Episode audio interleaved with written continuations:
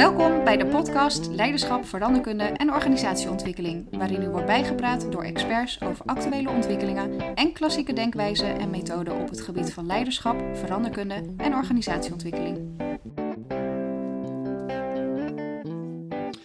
Als je op uh, YouTube gaat uh, kijken naar uh, mooie metaforen over management en veranderkunde, dan kom je al heel snel uit bij verschillende coaches van gerenommeerde sportteams. ik heb daar in eerdere podcast ook al eens wat voorbeelden van langs laten komen. Mark Lammers bijvoorbeeld, maar ook waterpolo-coach Robin van Galen of Joop Albeda van het bekende volleybalteam uit, van de Olympische Spelen. Marijn Zeeman, de wielrenner van de Jumbo-ploeg. Um, en dat zijn vaak hele mooie metaforen. Alleen ik vind het uh, ook soms lastig om ze echt te vertalen naar de echte wereld. Vandaar dat ik um, een oude studiegenoot van mij uh, heb benaderd. Uh, we hebben samen bestuurskunde gestudeerd van de Nederlandse Handboogbond. Um, dus ik vind het heel leuk om samen met jou, Arnoud Strijbis, welkom. Dankjewel. Um, om samen met jou eens eventjes te kijken wat nou uh, zeg maar de parallel de andere kant op is. Want jij leidt een sportbond, al drie jaar. Al drie jaar, ja zeker, ja. Ja, um, maar dan, hè, dus jij werkt ook veel met sporters. Um, uh, weliswaar vooral individuele sporters, maar toch... Um, Zie jij nou heel veel van die parallellen die hè, deze bekende mensen, die mooie verhalen hebben, ja. uh, um, uh, nou, bezigen? Zie jij die nou ook terugkomen in jouw eigen praktijk? Eigenlijk wel. Ja, het is, het is ja, nee, eigenlijk wel. Weet je, nee, nou. het, is, het is het mooie van, uh, en dat is leuk hè, handboogschieten. Dan denk je individuele sport. Ja. Want je bent met jezelf bezig. Ja. Je bent met die pijl bezig. Je bent die boog in je handen. Ja. Die focus op dat ene doel. Mm -hmm. En je moet een tien schieten. Hij moet in het midden. Ja. Het maakt niet uit of het hard waait, zacht waait, of het regent, of, het, of de zon schijnt. Ja. Hij moet gewoon die tien in. Ja. En dat is de overgave waar die sporters het altijd over hebben. Of ze nou alleen schieten of in een team. Want handboogschieten is ook nog eens een keer ja, een teamsport. Ja, ja, ja. Um, dat wordt ook steeds belangrijker. Alle Olympische sporten, daar worden de teams steeds belangrijker. Mm -hmm. Dus eigenlijk had dit jaar voor het eerst op de Olympische Spelen ook de mixcombinatie. Eén man, één vrouw. Voor het eerste onderdeel geweest okay. de Olympische Spelen. Wist ik niet, maar een leuk nee, weetje. Ja, ja. dus uh, dat zullen we nu in hopelijk 2021 gezien in Tokio. Mm -hmm. Maar uh, dat team wordt steeds belangrijker. En waarom wordt dat belangrijk? Ook juist voor de breedte van de sport. Mm -hmm. En in die handboogsport is die overgave, het altijd alles te verover hebben om dat ene doel te bereiken. Dan kom je in al die verhalen van Mark Lammers, van Louis van Gaal, van noem een coach maar op. Ja. Kom je allemaal tegen. En dus ook in die coachstaf die, waar ik mee te maken heb, ja. die hebben dat dus ook. Ja, want uh, uh, jij, ik vind eigenlijk zodra jij het zegt, gaan bij mij ook lampjes branden voor inderdaad de praktijk van organisatieontwikkeling. Hè? Want we, hebben, we hebben inderdaad vaak als organisatie een doel of een focus. Ja. Um, maar hoe gebruik jij dan die kennis van die topsporters om jouw eigen organisatie in te richten of te leiden? Ja, dat, dat, dat is een fascinerende, want ik vind het mooie van je hebt altijd in, in zo'n sportbond heb je eigenlijk grof gezegd twee takken. Mm -hmm. Je hebt topsport en je hebt breedte sport. Ja. ja. Er zit veel meer aan, maar oké, okay, het zijn even voor, voor nu twee takken, ja. top en breedte. Prima. Ja. Dus maar, in, mijn dagelijks, ja? in mijn dagelijks werk, zeg maar, dan is die spanning is er constant. Mm -hmm. En het mooie vind ik wel, die coaches, die sporten samen met één ding bezig en dat is het ene doel. Ja. En daar mag alles voor wijken. Ja. Dus zij hebben enorm veel focus. Ja. En wat in mijn werk wel eens ontbreekt, is focus. Omdat alles en iedereen van alles vraagt. En juist daarom ja. is het zo belangrijk om planmatig te werken. Dus je organisatie goed in te meerjaren beleidsplannen, weet ik hoe je het al doet, strategie. Mm -hmm. Maar uiteindelijk wel dat leiderschap te pakken vanuit een gedachte, vanuit een visie. Ja. En dat ontbreekt er vaak aan. En, en als ik jou nou vraag, welke van die uh, metaforen gebruik jij zeg maar zelf het meest? Hè? Je hebt het over focus en die snap ik eigenlijk Ja. ook heel goed. Ja. Uh, en aan de andere kant zeg je daar, daarnaast eigenlijk ook van ja, ik kan ook niet heel goed. Hè? Dus ik zou meer willen focussen, Ja. maar het kan ook niet altijd. Ja. Ehm, maar welke spreek jou nog meer aan? Nou, weet je wat ik heel mooi vind, is ook wel ehm, wat steeds wordt gezegd door al die sporters, eh, door al die coaches van die sporters ook, Mhm. is van benader elke sporter ook zoals hij of zij benaderd wil worden. Ja. Ik vind Mark Lammers heeft dan natuurlijk dat fantastische voorbeeld. Jij hebt het ook al vaker in je podcast gebruikt van Sylvia Carres. Ja, die moet je zeker. niet op de backhand aanspelen, maar op de voorhand. En dat soort, dat soort zaken. Precies. Uiteindelijk vraagt elke sporter zijn eigen benadering. Mhm. En dat betekent dus ook in mijn dagelijks werk. De ene vereniging vraagt een andere benadering dan een andere vereniging. Ja. De ene collega vraagt een andere benadering dan een andere collega. En Ja. ik vind dat een van die mooie lessen van die coaches. Mhm. Kijk echt naar wie er tegenover je zit of staat. Ja. Wat wil die persoon? Wat vraagt die persoon? En probeer ook daar de strategie op af te stemmen. Ja, en is dat dan ook een van die lessen die je dan... Hè, jij noemde net bijvoorbeeld ook al Louis van Gaal... met zijn totale mensprincipe. Hè? Ja. Ik bedoel, ook Ja. dat, is, eh, dat is er zo een die al heel vaak is langsgekomen... denk ik, eh, in heel veel eh, YouTube-filmpjes, et cetera. Maar dat is ook wel... is dat... Nee, laat ik er een vraag van maken. Is dat, dat ook iets wat jij dan toepast in het leiden van jouw eigen organisatie? Want hoe, hoe groot is jouw organisatie waar jij leiding aan moet geven? Eh, De Nederlandse Handbalbond heeft Ja. dus 10.000 leden. Ja? 220 verenigingen Ja? uit heel Nederland. Ja. Dat zijn dus heel veel kleinere verenigingen. Ja? En wij hebben in totaal op dit moment acht mensen in dienst als bond. Mhm. Waarvan er drie bondscoach zijn. Oké. Dus ik heb een heel klein bureau. Ja. Een heel klein kantoor. Ook nog eens een keer een vrijwillig bondsbestuur natuurlijk. Mhm. Mijn voorzitter is in het dagelijks leven burgemeester. Ja, Ook nog eens een keer gemeentesecretaris collega van jou geweest. zeker, zeker. Het fijne daarvan is wel, ik heb een voorzitter die bestuurlijke processen heel goed snapt. Wat Ja. heel belangrijk is in zo'n organisatie die vooral bestaat vrijwilligers. Ja, Ik heb een bestuurder financieel beleid die ooit wel eens te maken heeft gehad met de Rabobank wielerploeg. Toen die ontmanteld werd uiteindelijk tot Belkin en Blanco en ga zo maar door. ja, Dus die snappen echt wel die klappen van de zweep. Dat helpt zeg maar voor mij. Dus ik, ik heb in ieder geval een klankbord. Mhm. Dat vind ik heel belangrijk om zo'n organisatie te kunnen leiden. Ja. Klankbord. Ja. Dat is ook wat, die, wat natuurlijk heel vaak wordt gezegd door die coaches. Van, zorg dat je niet alleen maar mensen om je heen hebt die ja knikken. Maar die juist ook af en toe zeggen van... hey, wat doe je nou? Waarom doe je Mhm. dat nou eigenlijk? Vind ik heel fijn. Ja. En met mijn collega's... ehm, de ene collega van mij die werkt er al 17 jaar. Mhm. En ik heb net iemand die twee weken geleden is begonnen. ja. Dat is niet alleen een enorm generatieverschil van eind 50 naar half 20. Maar Ja. ook nog eens een keer gewoon qua beleving en qua energie een heel verschil. Mhm. Die vragen allebei iets anders. ja. En dan hebben we ook nog eens een keer al die vrijwilligers die vaak heel goede dingen willen. Maar of ze hebben de tijd niet, of ze hebben de kwaliteit onvoldoende, of ze missen gewoon mensen die dat oppakken. En wat mijn rol daarin vooral is, in zo'n sportwereld, is vooral de sportbond echt verbinden, verbinden, verbinden. En voor mij is dat ook echt een van de meest cruciale dingen. Hoe zorg ik nou dat die goede ideeën van die vrijwilliger uiteindelijk ook terechtkomen op een plek wat die nodig is?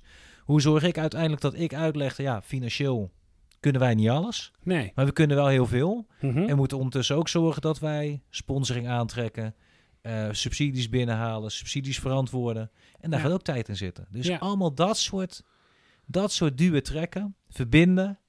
En vooral, ja, ik blijf het zeggen, aandacht.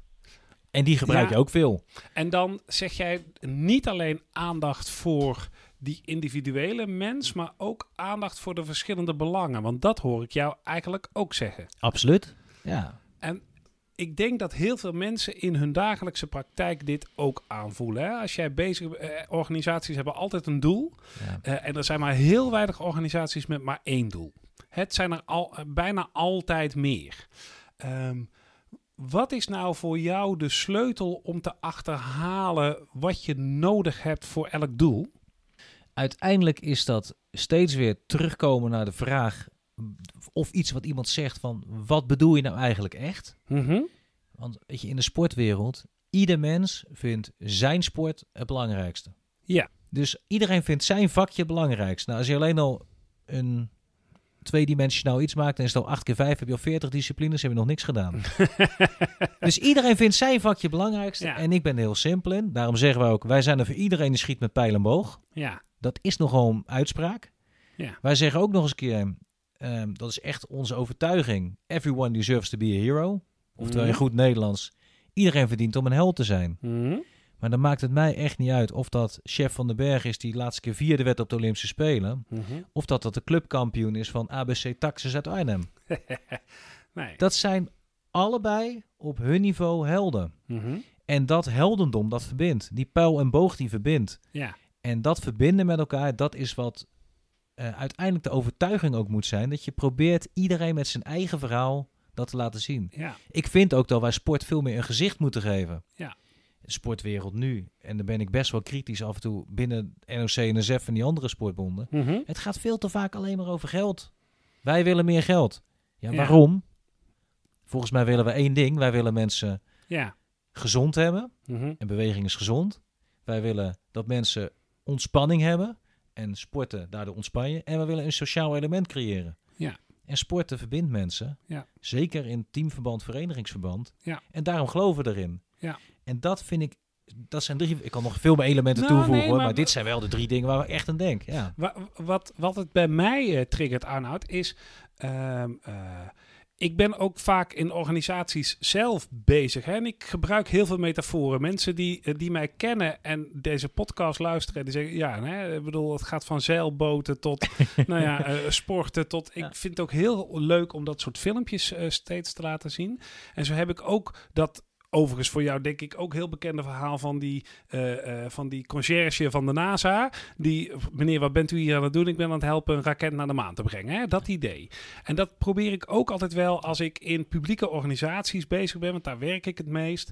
Ehm, eh, iedereen heeft zo, en dat beschrijf jij eigenlijk ook, iedereen heeft eigenlijk zijn eigen doel. En, met, en, en dat totaal, die totale som van al die doelen, dat maakt nou dat je als organisatie succesvol bent. Dus daar, dat, dat zeg maar naar elkaar kijken in een, in een organisatie van joh, ehm, eh, ik heb eigenlijk, ik zou meer moeten of nou, wat jij doet is minder belangrijk. Daar kan ik nooit zoveel mee. Ehm, en om dan toch, want dat, dat, hè, dat was de Ja. reden dat we hier samen zaten, om hem toch weer terug te drinken naar, brengen naar de, naar de sportmetaforen. Eh, doet dit mij heel erg denken aan dat verhaal van Joop Albeda. Die met zo'n Olympisch team ook vooral zei: hè, wij staan hier. Nou ben ik even kwijt met hoeveel, maar volgens mij 12 man of 14 of zo, weet ik niet hoeveel er is op volleybalteam. Zo, zo, ja, Zo'n selectie selectie is behoorlijk groot, ja. ja, ja. Eh, maar maar dat zei, iedereen heeft daarin zijn functie. Hè? En de een die is voor de vuilnisbakballen en de ander die moet eh, de verdedigende Ja. ballen pakken. En je hebt er ook een paar die moeten shinen. Ehm, en ehm, terwijl ik dat soort verhalen vertel, ehm, vind ik het ook altijd lastig om dat handen en voeten te geven. Ehm, dus dus eh, vandaar mijn interesse voor jouw verhaal. Want jij werkt dus alleen maar met mensen die dit soort metaforen natuurlijk kunnen dromen. Aan de lopende band. Ja, Ja. Weet je, maar het is ook zo mooi, hè? Jij, jij, jij begint ook terecht, handboogsporten, individuele sport. Nou is ja even- dat is nou, mijn eerste gedachte. En dat snap ik. Ja. En, en dat is ook volkomen logisch, hè? Mhm. Al staan ze aan de schietlijn, en zeker bij teamwedstrijden, teamwedstrijden schiet je met z'n drieën. Mhm. En dan zou jij denken, dat maakt er niet zoveel uit wie dan als eerste, tweede of derde gaat. Nee, precies. Maar Dat maakt dus wel degelijk uit. Want vertel. niet iedereen schiet even snel. Sommigen hebben aan de schietlijn meer tijd nodig voordat ze die, voordat ze die pijl loslaten. Ja. Sommigen ervaren meer druk als ze als eerste zijn. En sommigen ervaren juist meer druk omdat ze de laatste zijn, omdat ze vaak wat minste tijd hebben. Mhm. In dat teamverband is er dus niet van nummer 1, 2 en 3 van de kwalificatielijst die de meeste punten hebben geschoten, zet je gewoon achter elkaar klaar. Mhm. Dat moet dus echt een teamverband zijn van ze weten precies hoe ze wisselen. Je weet precies wie het eerste schot durft te lossen. Want als de eerste een 10 schiet, schiet de tweede ook sneller een 10. Mhm. En de derde schiet ook sneller een 10. Zo Mhm. simpel werkt het ook. Ja. Net met penalty schieten. Net die Ja. finales van, weet ik veel, eh, EK, WK. Precies hetzelfde. Als de eerste raak schiet, gaat de tweede ook sneller raken. Oké. Dat is Oh, toch echt, dat is echt een... Want dan, dan is toch... En, maar die laatste, die moet soms onder ontzettende druk... Misschien nog met een paar keer een, een, een, een zijwind of een rukwind of wat dan ook... wel kunnen schieten. En die coaches zijn er constant mee bezig... om ook dat team echt precies in een goede setting te creëren. Ja. En ik vind dat fascinerend. Want uiteindelijk, dat doe je ook in je dagelijks werk. Mhm. Als jij een managementteam om je heen bouwt... ja. dan wil je dat het mensen zijn die jou aanvullen. Absoluut. Jij bent niet iemand, tenminste zo ken ik jou... jij bent niet iemand van ik wil alleen maar ja-knikkers om me heen. Nee. En dat is ook, volgens mij is dat ook goed. En dat is ook, zeg maar, in die... Nou, jij bent nu natuurlijk bezig met een aantal gemeenten die verder gaan samenwerken, fuseren. Wat was het ook weer? Een Ja, gemeente. onder andere. Ja. Ja, ja, ja. En dan heb je mensen om je heen. En je komt wel die verschillende verhalen met al die rugzakken vol met verleden van die gemeentes tegen. Ja, absoluut. Die schutters die bij elkaar komen, Ja. die moeten gaan schieten in een team, die hebben ook allemaal een verleden. Want de een heeft een trainer die zei, ik, je moet exact dik doen. De volgende heeft een vader, die is er altijd bij. Ja, En die is, heeft, heeft hem altijd overal naartoe gebracht. ja, Ja, en dan wordt die jongen nu op Papendal, zeg maar, gedropt. Ja. En die is ineens zonder vader of zonder moeder en veel minder begeleiding. En zo zit er voor iedereen een eigen verhaal in. ja, En ik vind dat ook het mooie van... eh, dat is ook het mooie, zeg maar, van Guus Hiddink. Die Mhm. heeft heel veel natuurlijk... Als coach is hij heel veel bezig geweest met de achtergronden van spelers. Ik vind zijn verhalen uit Zuid-Korea... hoe hij toen mee bezig is geweest om daar een team te kneden. En dan kreeg hij natuurlijk ook alle kans voor. zeker. Joop Albeda met het eh, toenmalige bankkrasmodel natuurlijk ook. Hij kreeg er alle kans voor om een team te kneden, te masseren. Maar Ja. iedereen bewust te maken van dit is jouw rol, dat is jouw rol. Mhm. En in mijn beleving, in welke organisatie het is, dus ook gemeentelijke organisaties, die persoon die achter de balie zit, die mensen als eerste zien als je binnenkomt, Ja.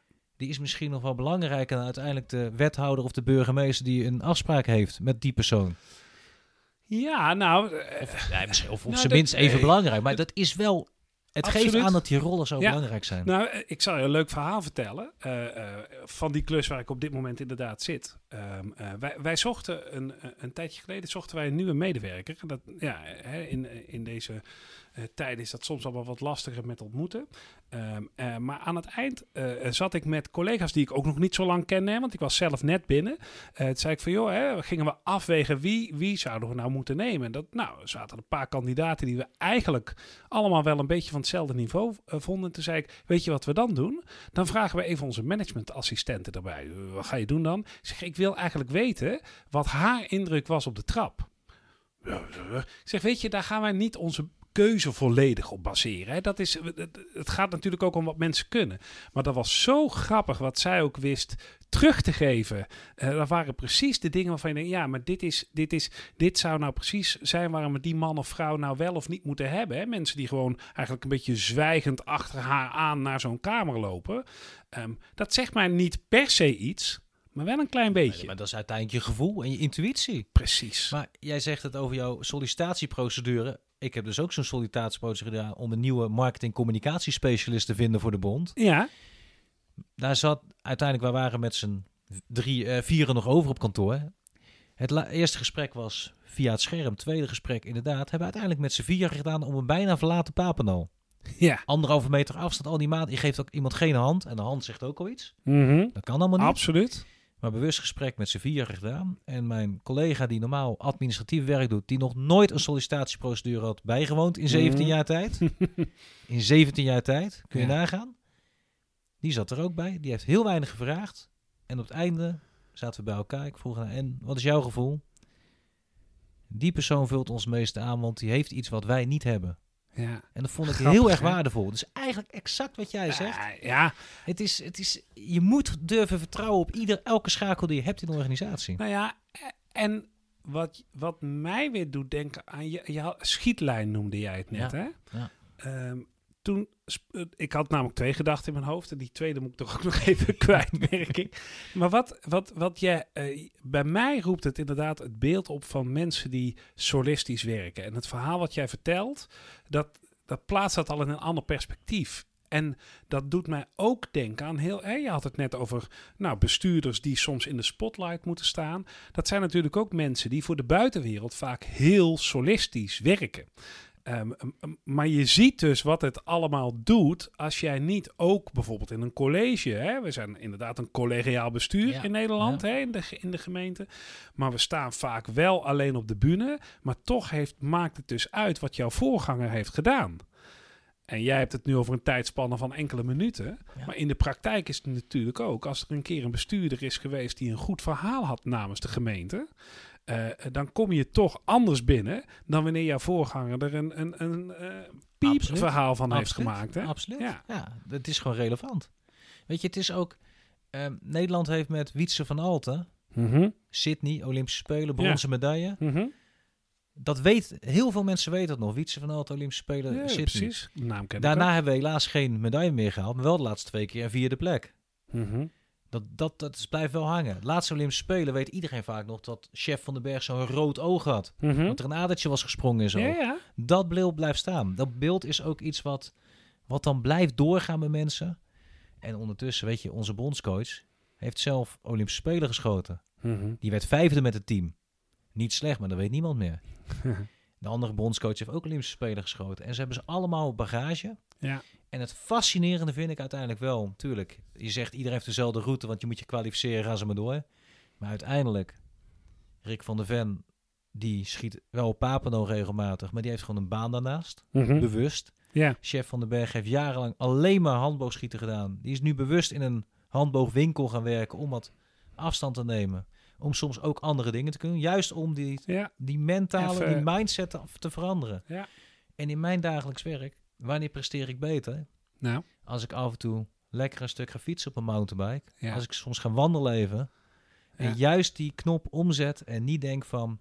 Hier moet het gebeuren achter mijn bureau. Hier moet het gebeuren achter mijn laptop en gaan ze maar door. nee. En dat is ook wel wat ik aan mijn medewerkers constant meegeef. Van ja, in vergaderingen bedenken wij het niet. Nee. We bedenken het op andere momenten. En op een gegeven moment ga je het delen met elkaar. Zeker. En al pratend kom je weer verder. Absoluut. En dat, dat, dat kom je ook in je dagelijks leven tegen. Nee, ja, abs- eh, eh, zeker. Zeker. Eh, In de zin van ehm, eh, heel veel oefeningen. En dat het is soms wat flauw, hè, maar op het moment dat je bijvoorbeeld op heidagen actief bent. eh, ik, ik, eh, toevallig afgelopen week heb ik dat nog gedaan eh, eh, met een groep. En toen zei ik, nou, het eerste deel van je oefening is dat je gewoon vijf minuten in stilte nadenkt over wat jij belangrijk vindt. En ik zeg, en daarna ga je het opschrijven en we gaan het daarna ook delen. Maar doe het in stilte. En ik zei, en ik ga ook echt zijn. Niet een beetje flauw, toch nog bij de koffie eh, even wat met elkaar eh eh, beppen. Maar echt het even voor jezelf. En dan zie je dus, ik zeg vijf, het waren er misschien wel tien. En dan zie je hoeveel moeite mensen hebben om, om even die focus naar zichzelf te leggen.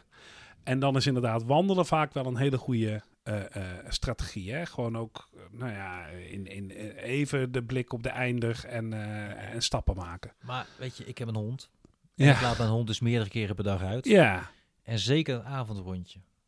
Als Ja. ik dan mijn telefoon weer meeneem, Ja, man. dan loop je zo. En Ja. dus die laat ik thuis zoveel als mogelijk. Ja. En dan is het echt, echt, echt afschakelen. Ja. En dat afschakelen heeft iedereen nodig. En zeker natuurlijk de afgelopen maanden. Ja. Waarin je veel meer in huis zit opgesloten. Waarin je veel meer die kleine cocon hebt. Ja. Maar juist in die kleine cocon, je, het is ook wel... Ik, de echte andere kant vind ik echt weer de verbinding tussen 10.000 leden die uit het hele land komen. Mhm. Is door videoconferenties wel ineens Absoluut. veel beter Nee, geworden. dat vind ik ook wel winst. Dus- Dat, dus- dus- ja. Dus ook, ook op die manier kun je nabijheid en verbinding veel meer creëren dan we anders zouden doen. Ja. En dat is ook wat die, weet je, die coaches, die hebben echt moeten worstelen begin maart, toen de crisis begon. Maar die hebben uiteindelijk wel met eh trainen, trainen tips, eh, trainingstips, thuistraintips, Ja. videoverbindingen, hebben ze toch heel veel met sporters kunnen doen. ja. Nee, maar, maar dan, hè, weet je, die sporters ook, die zijn natuurlijk wel een doel verloren. En als je het doel kwijt bent, en dat is de les volgens mij voor elke organisatie, eens. Waar schiet je voor? Ze zouden gaan schieten voor een Europees kampioenschap voor Olympische Spelen. Ja. En nu? Ja, nee, absoluut. En ik, ik wilde eigenlijk wat dingetjes gaan samenvatten, maar ook nou zet je me weer aan het denken. Dat ken ik overigens al, bijna 30 jaar van je. Dus dat vind ik ook wel weer leuk.